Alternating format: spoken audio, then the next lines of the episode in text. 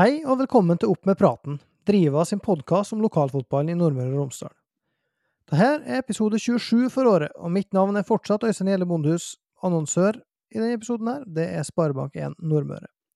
Torgeir Ruud Ramsli er med oss fra Sunndalsøra, og Torgeir, nå går jo sesongen virkelig mot slutten. Enkelte serier er allerede ferdigspilt. Fjerdedivisjon spilles ferdig på lørdag. Er det vemodig å snart vinke farvel til 2022, eller blir det godt med en pause? Nei, jeg syns det blir godt med en pause nå, da. Hva skal jeg si, mitt lag har lite å, spille for. og det er kanskje ikke så interessant som det var, eller som en kunne håpe at det skulle bli. Så ja, det blir godt med, med et avbrekk nå, tror jeg, for mange. Både dem som er på banen og dem som ser på. Ja, og gjesten vår i dag, han er opprinnelig Nordlandet-gutt. Du får arrestere meg hvis jeg tar feil, men ut ifra mine opplysninger på fotball.no, så, så er det Nordlandet-gutt. Har vært innom både Dale, Ørskog, Rival, Molde, Tri, Eidsvåg og Eide omegn, i tillegg til det som er nåværende klubb, nemlig Malmefjorden. Med stor fart og med nese for mål har han skapt trøbbel for de fleste forsvar opp igjennom. Nå er han på plass i Opp med praten, så velkommen til oss, Bjørn André Monsen. Tusen takk. Du, vi, vi starta rett og slett slik som vi bruker å gjøre, vi, med spørsmål om du kan uh, ta oss gjennom fotballkarrieren din så langt? Ja, nei altså det starta vel um, på Nordlandet, som du sa. Spilte være der fram til 2000 og, tror jeg, 2011. Så en kjapp tur uh, til Dale. Der uh, ble det egentlig mye problem med føtter og diverse, så det, det ble ikke så mye mer etter det prøvde meg igjen på Ørskog litt. Rann. I og med at jeg bodde i Ålesund uansett, eller jeg bodde på Sjøholt først, og så i Ålesund. Og så var det egentlig da jeg flytta til Molde i 2014. Da ble det liksom å begynne på bånn, kan du si. igjen. Så begynte Rival var vel i sjette, femte eller sjette divisjon. Tror han var i sjette divisjon. Så har jeg egentlig bare gått eh, gradene etter hvert. Selvfølgelig kroppen har vært bra for det, egentlig. Og fått et par kneoperasjoner, og beina har blitt bedre, da, kan du si, enn hva de var når, eh, når jeg avslutta i Dale. For da var det ikke, da var det ikke stritt, egentlig. Nei, og Hvordan var det nå når du kom til, til Malmefjorden? Så har du vært der i noen år nå. Vært med både i femte og fjerde. Hvordan uh, har det vært? Vi har jo snakka om det tidligere, at det har vært en litt sånn uh, kompisgjeng og en sammensveisa gruppe i, i, Malmefjorden. Er det en oppfatning du deler, eller? Ja, altså det, det, vil jeg si. Det var egentlig det første jeg la merke til når jeg kom dit òg. At det var det er jo ikke mm, uten grunn at jeg har vært der så lenge som jeg har vært òg. Det at det, du blir tatt imot med åpne armer, det kan, det kan, nok de fleste som har vært innom si, tror jeg. At er, det er et veldig godt fellesskap og, og en sånn kompisgjeng som eh, ikke nødvendigvis har det beste spillet på banen og, og sånne ting. Men eh, ja, i hvert fall før denne sesongen her og koronasesongen så syns jeg vi slo bra fra oss med tanke på kanskje forutsetningene. Ja, og nå, nå spiller det jo en viktig kamp mot Treff 2 på lørdag. Etter at Åndalsnes og Misund uh, vant, så er det jo nest sist nå på tabellen. Hvordan er stemninga i Malmefjorden for den uh, avgjørende kampen her? Den er nok mer spent enn hva folk viser, tror jeg. Altså, er vi maks uheldige, kan du si at vi taper og de to andre tar poeng, så er vi jo avhengig av KBK. Det har jo vært litt sånn kontroverser rundt uh, forholdet mellom Malmefjorden og Eide. Vi må jo innom det når vi har det her i, i studio. Um, for der, der, var det jo fire spillere, inkludert det, som, som gikk fra Malmefjorden til Eide. Og der um, det var noe fyring før seriestart med både ja, plassering av, eh, av, banner, og det var plassering av toalett på, i midtsirkelen og greier, og det var, var skulle si god stemning, men, men stor og fyrig stemning, da. Og der eh, var jo du en av dem som gikk. Hva var bakgrunnen for det? Eh, bakgrunnen var egentlig altså Vi fikk jo inn en ny trener. Jeg vil ikke legge all skylda på han, for han var en kjempekar og, og alt sånt der. Men jeg føler kanskje at jeg ville mer enn hva Malmefjorden ville. da når det kommer til fotball og sånne ting. Og eh, det at fire stykker dro, det var jo, det var jo uheldig. Men ja, når alt kom til alt, så ble det noe sånn. Og det, det var jo ikke at jeg angra meg som gjorde at jeg dro tilbake. Det var jo heller det at det gikk faktisk ikke opp med hverdagen min. da, Å reise til Eide hver dag og, og sånne ting. Men at det ble uh, mye styr og sånn, det er jo ikke annet egentlig. Når det, man, altså, jeg er jo litt imot det der at du, du, skal, du, drar ikke til en rival i samme divisjon, kan du si. Men jeg kjente på det sjøl at altså, hvis jeg skulle spille fotball, så måtte jeg være en plass der det var givende for min del å, å spille. og der og da så var ikke det Malmöfjorden. Nei, og du er jo inne på det her, men, men du rakk vel bare å spille cupkvaliken for Eide. Hva er grunnen til en eh, Shab Utaya, som nå er nåværende lagkamerat i, i Malmefjorden, har spurt oss om det? Grunnen til at du kom tilbake til Malmefjorden fra Eide, fordi at du sier at det ikke var plassen å spille fotball der og da, men, men eh, hva var det som gjorde at du til slutt landa på at det var det likevel? Nei, altså da, og da når jeg sto igjen, da kan du si med OK, Eide, det gikk ikke opp med min hverdag og sånne ting. Og det, det var jeg helt ærlig på til trenerapparatet der og klubben, og de, de tok nå det veldig bra. Da var det egentlig å banke på døra til Malmfjorden igjen da, og si det at uh, forklare hvordan uh, Sånn er det bare. Og skal jeg spille fotball, så er det, da er det Malmefjorden eller ingenting for min del. da. Ja, vi, vi, har fått et spørsmål fra Amanda Vattum, som uh, lurer på hva du tenker om neste sesong. Blir du i Malmefjorden, eller er det andre klubber som har meldt interesse da? Jeg kan ikke se for meg noe annet egentlig nå. Altså, først må jeg vurdere om jeg skal spille neste sesong. Som sagt, ja, sliter litt med føttene igjen og sånne ting. Så det, vi får se har jo selvfølgelig kjempelyst til å spille og er ikke veldig happy med verken Malmefjorden sin sesong eller min egen prestasjon i år, da, kan du si. Så fått revansjert det i fjerdedivisjon hadde jo vært eh, Det hadde vært fint, egentlig. Det var jo et uh, trenerskifte uh, inne på trener litt her. Morten Kristiansen ga seg, Bent Rune Stangeland kom inn. Altså, hvordan har det påvirka dere utover sesongen? I starten så var jo folk veldig motivert. Eh, Morten var en veldig fin fyr. Kanskje ikke rett mann til rett spillergruppe. Det er vanskelig å Altså, Man skal uansett ikke alltid skylde på treneren, men eh, ja, Bent Rune kom jo inn med en del nytt. da, og Vi fikk en, eh, ja, en helt ny gnist kan du si, i laget, som vi kanskje ikke fikk utbytte av før vi, før vi nå kom på en liten ei seiersrekke for ikke lenge siden, en måneds tid siden. Det var liksom da det begynte å løsne, men det, det varte ikke så fryktelig lenge. Nei, altså er det jo litt slik at, at vi her i podden ofte har omtalt dere som en litt sånn eh, robust gjeng som eh, kjemper og, og jobber for hverandre og med mye fysikk og, og sånn i laget. Altså er det mm, Hva tenker du om den beskrivelsen av Malmefjorden, og kjenner dere dere igjen sjøl? Eh, det var veldig sånn når jeg kom hit. Det var veldig sånn, faktisk. Nå er det litt jeg synes etter min mening synes jeg vi prøver på litt for mye ting som det, ja, vi ikke hører hjemme i, kan du si. Altså, vi skal prøve å ligge lavt og prøve å altså, det er ikke, Vi har jo stort sett samme spillergruppe som tidligere, og jeg føler at det er ikke det det er ikke sånn vi har spilt tidligere, når vi faktisk jo slo fra oss for et par år siden og kom, lå på øvre halvdel. og å kunne spille uavgjort mot KBK borte og, og, sånne ting. Da var det litt sånn sprang for hverandre. og I år syns jeg vi har vært veldig avventende og, og, skal ligge og tette igjen. Og jeg må bare være helt ærlig og si at uh, jeg synes ikke, uh, vi har ikke spillere til, enkelt og greit. Hva tenker du Torgeir om det han uh, Bjørn sier her om Malmefjorden tidligere kontra i år? Ser du den samme tendenser til den samme utviklinga? Eh, ja, vi har vel allerede nevnt det vi i tidligere episoder, at uh, på en måte kanskje litt av den identiteten som gjorde dem eh, til et bra fjerdedivisjonslag, var i ferd med å viskes ut litt. da. At det kom litt uh, nye spillere, og kanskje bedre spillere, men, men, men, andre typer spillere da kom inn i laget. og Da blir fristelsen stor til å på en måte gå vekk fra det kjente, og så skal du på en måte spille litt finere fotball, eller du skal kanskje ligge bakpå og kontre, sånn som Bjørn sier, eller ja, du skal gjøre noe annet da, enn det som har vært suksessformelen. Og, og, da tror jeg kanskje du mister litt eh, identitet, da, for å si det sånn. Det var, altså Grunnen til at Malmefjorden eh, var bra når de kom opp, det var jo, det var jo tut og kjør og, og full gass i, i, 90 minutter. Så det tror jeg de har mista litt, sånn som jeg vurderer det. Uten at jeg har sett dem så veldig mye. Vi har fått et spørsmål fra en lagkamerat av det her, Preben Lyngstad. Bjørn, hvordan var det å løfte KBK opp i divisjonene, og har du alene løfta Malmefjorden fra sjette til fjerde div? Og stemmer det at du har 30% flere mål enn kamper i karrieren? Lurer han på en Preben. Uff det er mye. Eh, KBK-greiene det er jo bare saus.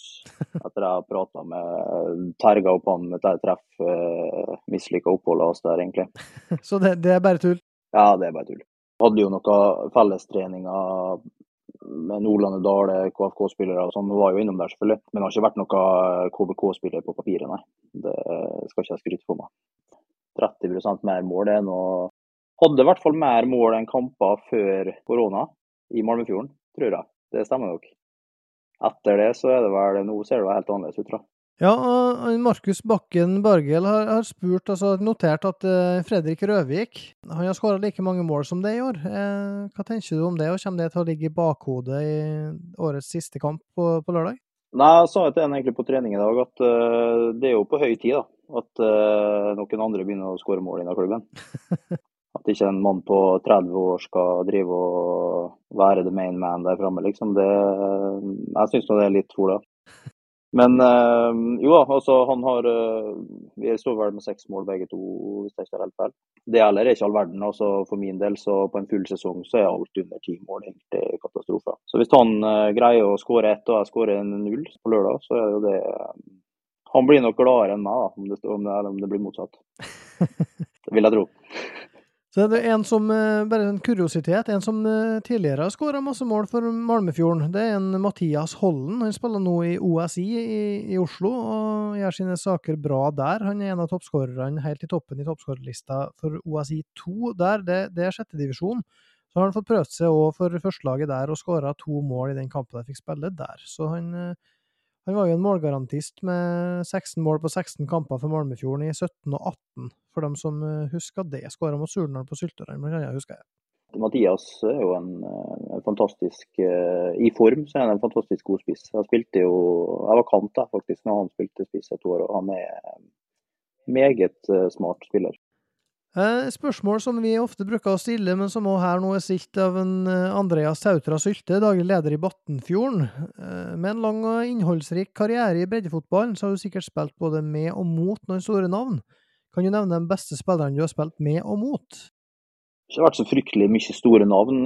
Spilte mot en, Vegard Forhen i fjor. Det var noe det er sikkert beste stopperen jeg har møtt uh, noen gang, men han, han, er jo bra, selv om han er på sine eldre dager. Uh, med så har jeg ikke spilt med så fryktelig mange. Hadde vel et par treninger sammen med Erlend Sivertsen og litt sånn i, i Dale. Men, men Tore Klokseth i Eidsvåg i form, det er jo egentlig ganske bra nivå, altså. Vi har lang tradisjon for å heie med åpne hjerter i regionen vår. På sidelinja er vi alle likeens. Enten det er på den nye femmerbanen der Dråkungene skåra sitt første mål, eller et lokalderby i fjerdedivisjon. Sparebank1 Nordmøre er din lokale heiagjeng. Vi nærmer oss eh, slutten i fjerdedivisjon i år, og det gjenstår én serierunde. Men eh, siden forrige gang så har eh, Tomrefjord og Sunndal spilt 3-3. KBK2 slo Malmefjorden 8-0.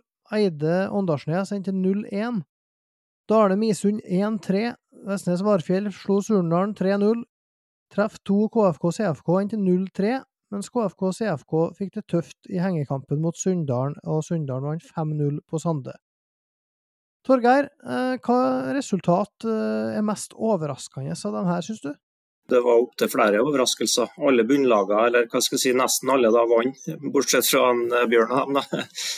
Så, men mest overraskende er nå likevel Varfjell-Surnadal 3-0. Eh, Selv om eh, du er her, Øystein, så må jeg nå, må jeg nå si det. Eh, kanskje ikke at Varfjell vinner, det kan skje en eller annen gang, men 3-0 var jo litt mye, da. Det syns jeg. Altså, er det overraskende for meg at både Åndalsnes og Misund og KFK og at KFK etter det jeg så i går, da, at de vant 3-0 borte mot Treff 2, det, ja, i hvert fall om det ikke overraska meg så går det på hva skal jeg si, på fredagen lørdagen, så overraska det meg i hvert fall i går, når jeg så det laget. Så... Men, men. Fotballen er rar. Ja, Hvordan var den kampen på, på Sande i går, da?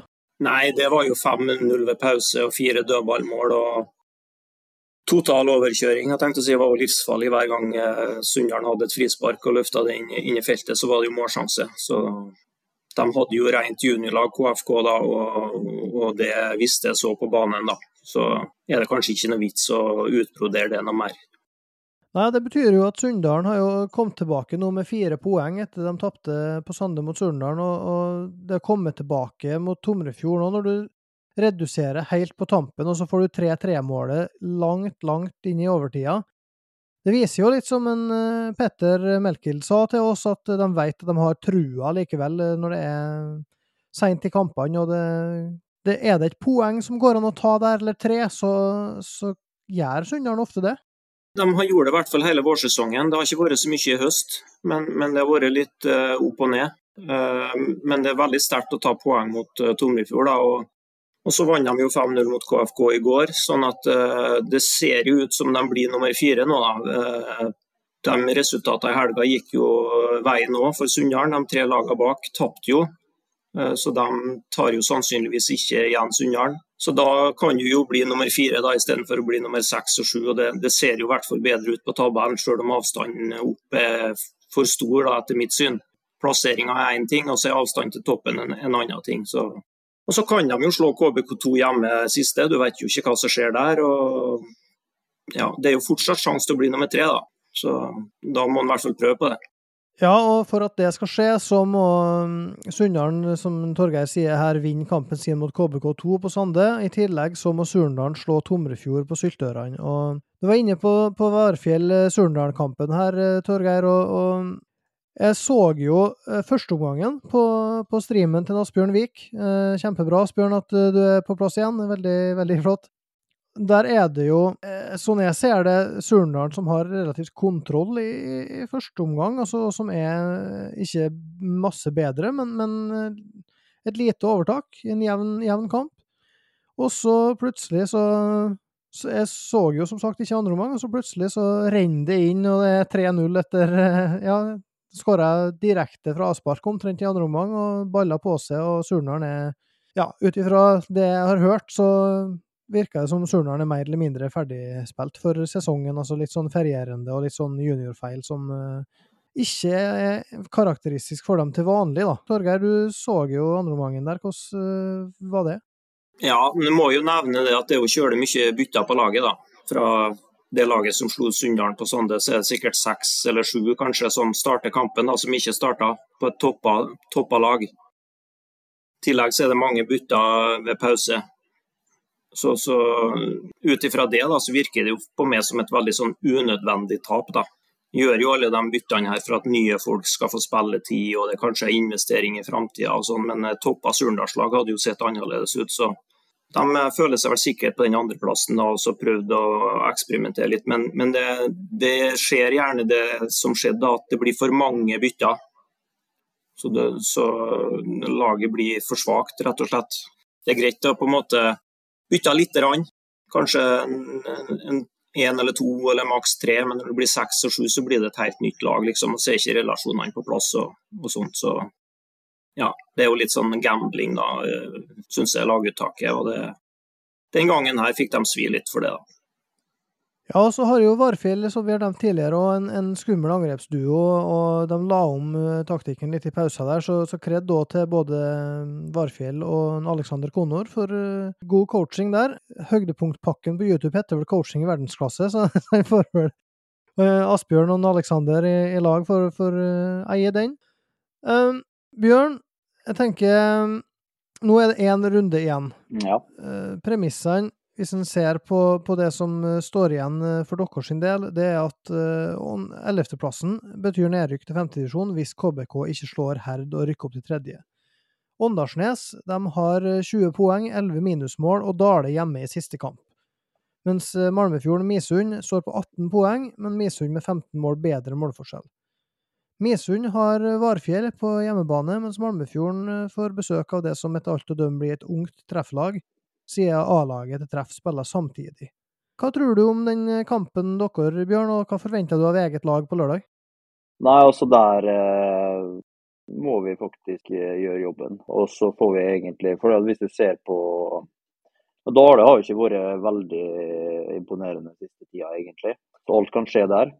Uh, jeg tenkte når jeg så at uh, Åndalsnes skulle møte Dale, så tenkte jeg at den var, den var safe, da. Men uh, den er jo ikke det. Varfjell har vært rotete på bortebane, spesielt på gress. Så vi også hjemme mot, eller når vi var på hjemmebane mot dem, at det var ikke, det var ikke stritt da heller. Et helt annet lag å møte borte, f.eks.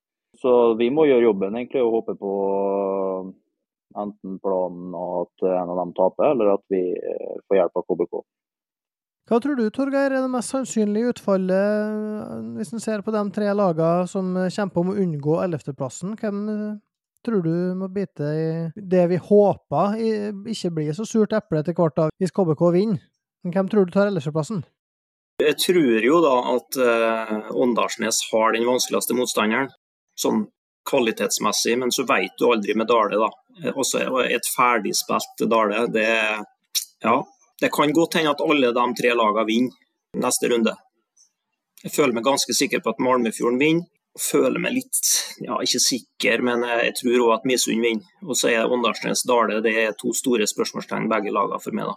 Men som sagt, vi, vi tror jo at KBK berger uansett hvem det, hvem det måtte være. Ja, og Åndalsnes de, de seg jo med uavgjort i den kampen der, men de fikk Ronald Paiva, nøkkelspiller, ble jo utvist eh, borte mot Eide i sluttspillet til to gule kort på fire minutter helt på tampen der. Det er jo et eh, savn for dem i en, en nøkkelkamp, sjølsagt. Men eh, som eh, du sier, Torgeir, vi håper og, og tror at eh, KBK2 redder alle tre. KFK og CFK dessverre nede etter elleve poeng nå en runde før slutt. Vi har fått et spørsmål eh, fra Stian Rødal som vi kan ta om eh, styrkeforholdet mellom Herd og KBK2 over to kamper. Det er jo relevant for dere. og Bjørn, hva, hva tenker du om eh, den opprykkskvaliken? Hvor, hvor, masse trua har du på KBK-seier der? Jeg hadde veldig trua på KBK-seier, men uh, ut ifra det jeg har hørt så har de ikke med seg altså Jeg så for meg at de skulle ha med seg og da sikra seg med en haug med eliteseriespillere i år. Sånn ser det ikke ut, for mye ut fra det jeg har hørt. hvert fall. Og da er det kanskje litt likt det laget vi møtte borte nå, og det var vel omtrent det samme laget som vi hadde hjemme. Og når vi møtte dem hjemme, så var det ikke ja, om det var kampplan eller hva det var. Det var ikke imponerende i hvert fall det vi hadde forventa et helt annet KBK-lag som skulle komme på Malmefjord stadion, egentlig, enn det vi møtte der. da. Det var jo kan si, eh, ganske sikkert på Sunndal ga oss mer motstand eh, hjemme der enn, eh, enn hva KBK gjorde. Så det er litt sånn Jeg vet ikke. Det, jeg håper jo selvfølgelig på at de skal ta det, selvfølgelig. Men jeg syns de er litt Det så vi spesielt på Malmefjord stadion. De får press på seg, så de var litt shaky bak der, altså. Ja, og der spørs det jo litt ehm, De har jo drevet og hatt med noe Mikkel Rakneberg. Ikke at det er en defensiv spiller, men skårer jo tre nå i helga. Og Oskar Sivertsen er tilbake. Du har en, eh, en Heine Gikling, du har en, en Henrik Gjesdal som har spilt noen kamper, og som kanskje eh, ja, har vært bytta ut tidlig et par ganger for å få nok kamper til å kunne spille en kvalik. Så, så jeg vil tro og håpe at det er med kvaliken i, i tankene. Du har i tillegg en, en, par veldig spennende målskårere i en uh, Leander Alvheim og Marius Weidel som uh, Men det er klart at Sunnmøre og her, det er alltid tøft, Torgeir? Ja, tapt kvalik mot dem uh, sjøl, det. Så det, det vet jeg. Det er som regel et veldig bra lag. Begge kampene kommer til å gå på kunstgress. da. Både Herd og KBK2 har jo kunstgressbane, så det blir jo ikke noe bortekamp på en tung gressbane for KBK2. Henrik Gjesdal er jo et stort spørsmålstegn for meg, da, for nå er jo Ulvestad skada igjen på førstelaget. Så de spiller jo med tre stoppere. Plutselig må han inn der, spille mye der. Eh, det er klart, Får du inn en, du inn en midtstopper i to kvalikkamper som, som det er eliteserienivå på, så vil det utgjøre en veldig sånn stor forskjell for det unge KBK2-laget borte, da, med tanke på press og sånn som, som, en Bjørn sier, som kan roe ned litt og, og styre. Så om han blir med, så så anser jeg dem som en, en ganske klar favoritt. da. Sånn Historisk sett så er sunnmørslagene, nordmørslagene, romsdalslagene like gode, på en måte. Om det var gamle tredjedivisjon eller fjerdedivisjon nå. De beste lokale lagene, der er det jevnt. Så jeg vil jo tro at Herd, Bergsøy er på nivå med Surnadal, Tomrefjord. Kanskje Sunndalen i, i, i gode stunder så anser jo KBK til å være eh, i hvert fall et hakk eller to eller tre bedre enn de andre lokale lagene her. og Da skal de være en liten favoritt i mine, mine øyne. Da. Hjemme så kan de vinne stort mot Herd, tror jeg. Hvis de får det til, til, å, til å, gli. Men uh, Det er jo ikke spikra, men det er i hvert fall en kvalik som KBK bør gå seirende ut av. Ja, og det er jo litt eh, det de har signalisert sjøl òg, både i media og, og, tidligere med Eirik Ranheim og greier her i poden. Eh, at eh, de, de, har en litt annen tilnærming til det nå. At tidligere så har det vært sånn at eh, opprykket kommer hvis vi er klar for det. Eller altså, det, det handler om eh, bare om spillerutvikling og at gutta må få ta naturlige steg, mens nå er det litt mer sånn vi eh, vil opp, eh, vi bør opp. Vi er mange som eh, må spille på et høyere nivå i fjerde. Mikkel Rakneberg sjøl sa det i avisa i Tidens Krav nå sist, at det her er en for dårlig utviklingsarena. Det er mange gutter her som må spille tredjedivisjon. Det, det virker som det er en litt sånn unison tanke der. Men da, det er klart at da passer det jo ekstra dårlig, som du sier, da, at førstelaget er i den, den, situasjonen som de er. For hvis de hadde vært i normalt gjenge, det som har vært normalt de siste åra, så hadde det nok vært mer hjelp å, å, få, men samtidig så er det jo litt sånn i KBK uansett at det er en Christian Mikkelsen som, som styrer showet der. Det er ovenfra og ned uansett, og hvis en Christian Mikkelsen vil ha med en Gjesdal, så har han med en Gjesdal. Og da får andrelaget være andrelag, og da får de eh, opprykket ryke, om det så nesten. Altså, det, det, sånn ser det ut utafra. Ja, men det er jo riktig, da. fordi hvis det, hvis det er snakk om å, å berge eliteserielaget mot et opprykk i fjerde, så er jo ikke det noen diskusjon. Men det er sånn som du sier, at Nå har de vært tydelige i kommunikasjonen sin at de skal opp, og da må de legge kraft bak de, de ordene, sånn at det ikke blir bare prat. Så de stiller vel med det de har. Ja, jeg er selvsagt helt enig i det. Altså, Pri 1 er jo A-laget. Sånn må det jo være. Før de har hjemmekamp mot Herd, for det er jo annethvert år at det er hjemmekamp og bortekamp eh, først for Sunnmøre og, og Nordmøre og Romsdal. I år så er det KBK2 som får hjemmekamp først. Så skal de til Sande, Torgeir. Hva tror du om eh, det oppgjøret der? Nei, Jeg må svare som jeg alltid sier når det er andre lag involvert, at det spørs på, spørs på lagoppstillinga. Klart blir det, blir det nå eh, mye utskiftninger. Det blir på en måte hva skal jeg si, ikke de beste juniorene, men, men reservene hakket under, så har jo Sunndal en sjanse. Jeg tipper jo at den kampen går på kunstgresset, men, men, jeg håper jo ikke det for Sunndal sin del. Men klart, hvis det er sånn at KBK vil beholde laget sitt nå og på en måte beholde det ja, momentumet, da, som det heter, inn inn i, kvaliken og stille med samme lag og være samspilt og sånn, så får, da får Sunndalen trøbbel. Da tror jeg ikke de har sjanse, for å det rett ut. Eh, hvis KBK stiller med det laget de har tenkt å stille med i, i kvalik. Da tror jeg nivåforskjellen er for stor. Bjørn, du er jo en, en målskårer sjøl, sjøl om du var inne på at det kanskje ikke har blitt like mye målsus eller nettsus som det har brukt å bli akkurat i år. Men uh, Leander Næss Alvheim står på 23 og Ruben Toven på 21 før, uh, før, siste kamp. Du har jo spilt med Ruben litt grann, uh, i Eide tidligere i år. Hva inntrykk har du? Altså, er du overraska over at han sitter med 21 mål når vi, etter runde 21? Nei, absolutt ikke. Det er, det er en spiss som har egentlig alt. Alt du kan be om hos en spiss, egentlig veldig enkel spiller å spille med òg. Eh, så ikke overraska over at han eh, har levert over 20, nei. Torgeir, et par kamper vi, vi ikke har vært innom ennå. Hvis du skal sette tippetegn um, i Surndalen-Tomrefjord, der Surndalen ser ut som de uh, har tatt uh, ferie, iallfall gjør de det mot Varfjell, uh, mens Tomrefjord har jo en teoretisk mulighet til å miste tredjeplassen til Sunndalen. Eh, tar de ett poeng på Syltørene, så er de safe. Hva forventa du i den eh, kampen der? Nei, Jeg så jo det oppgjøret i fjor og forventer jo mye av det samme. da. Tomrefjord ligger jo nedpå og forsvarer seg, sikkert med fem mann bak og fire på midten. Taklo alene, ensom indianer på topp, som ligger og jakter og håper at noe skal dukke opp. Så jeg ser ikke bort fra at det blir det samme igjen. Hva, hva vil du satt pengene igjen på? Nei, hjemmeseier. Jeg tror eh, ja, Jeg ser for meg at Vebjørn er litt forbanna på seg sjøl nå etter eh, tapet mot eh, Varfjell. At han kanskje tok litt store sjanser. og nå Siste hjemmekampen, og viktig å ta med seg det litt inn inn i hva skal jeg si, vintertreningene og, og avslutte på en god måte. Så jeg regner med toppa Surnadalslaget nå siste, siste hjemmekampen.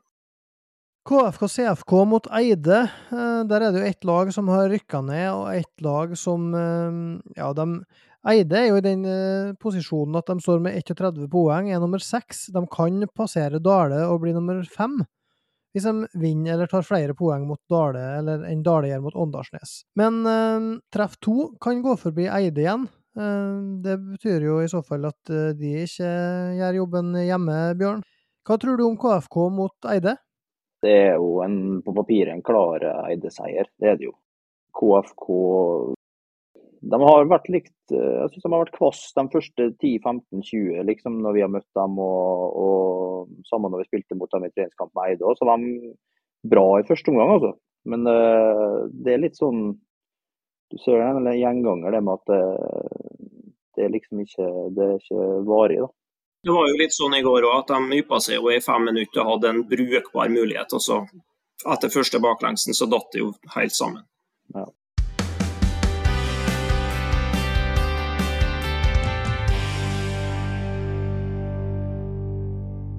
Ja, vi skal ha noen uh, spørsmål, og det går til deg, Bjørn. En Stian Rødahl han lurer på om du kan fortelle hemmeligheten bak det at du hver kamp har flest løp av alle på laget, både defensivt og offensivt? Ja, hvis det stemmer, så er jo det uh, kanskje bra, det. Men uh, nei, jeg vinnervillig har lyst til å få til noe sånt. Men jeg føler i hvert fall i år så har det blitt mye springing og lite produkt, da, kan du si det er lov å si offensivt, i hvert fall. Hva er det som gjør at det er annerledes i år enn tidligere, tror du? Nei, så syns jeg egentlig hele, hele laget Om det er vi som er blitt dårligere eller de andre som har blitt bedre, altså mest sannsynlig så tror jeg at uh, vi står litt på stedet hvil, og resten av uh, lagene i serien har nok heva seg i hvert fall de siste par åra, er mitt inntrykk. Jeg synes det, du får, ikke, du får liksom ingenting gratis lenger, da.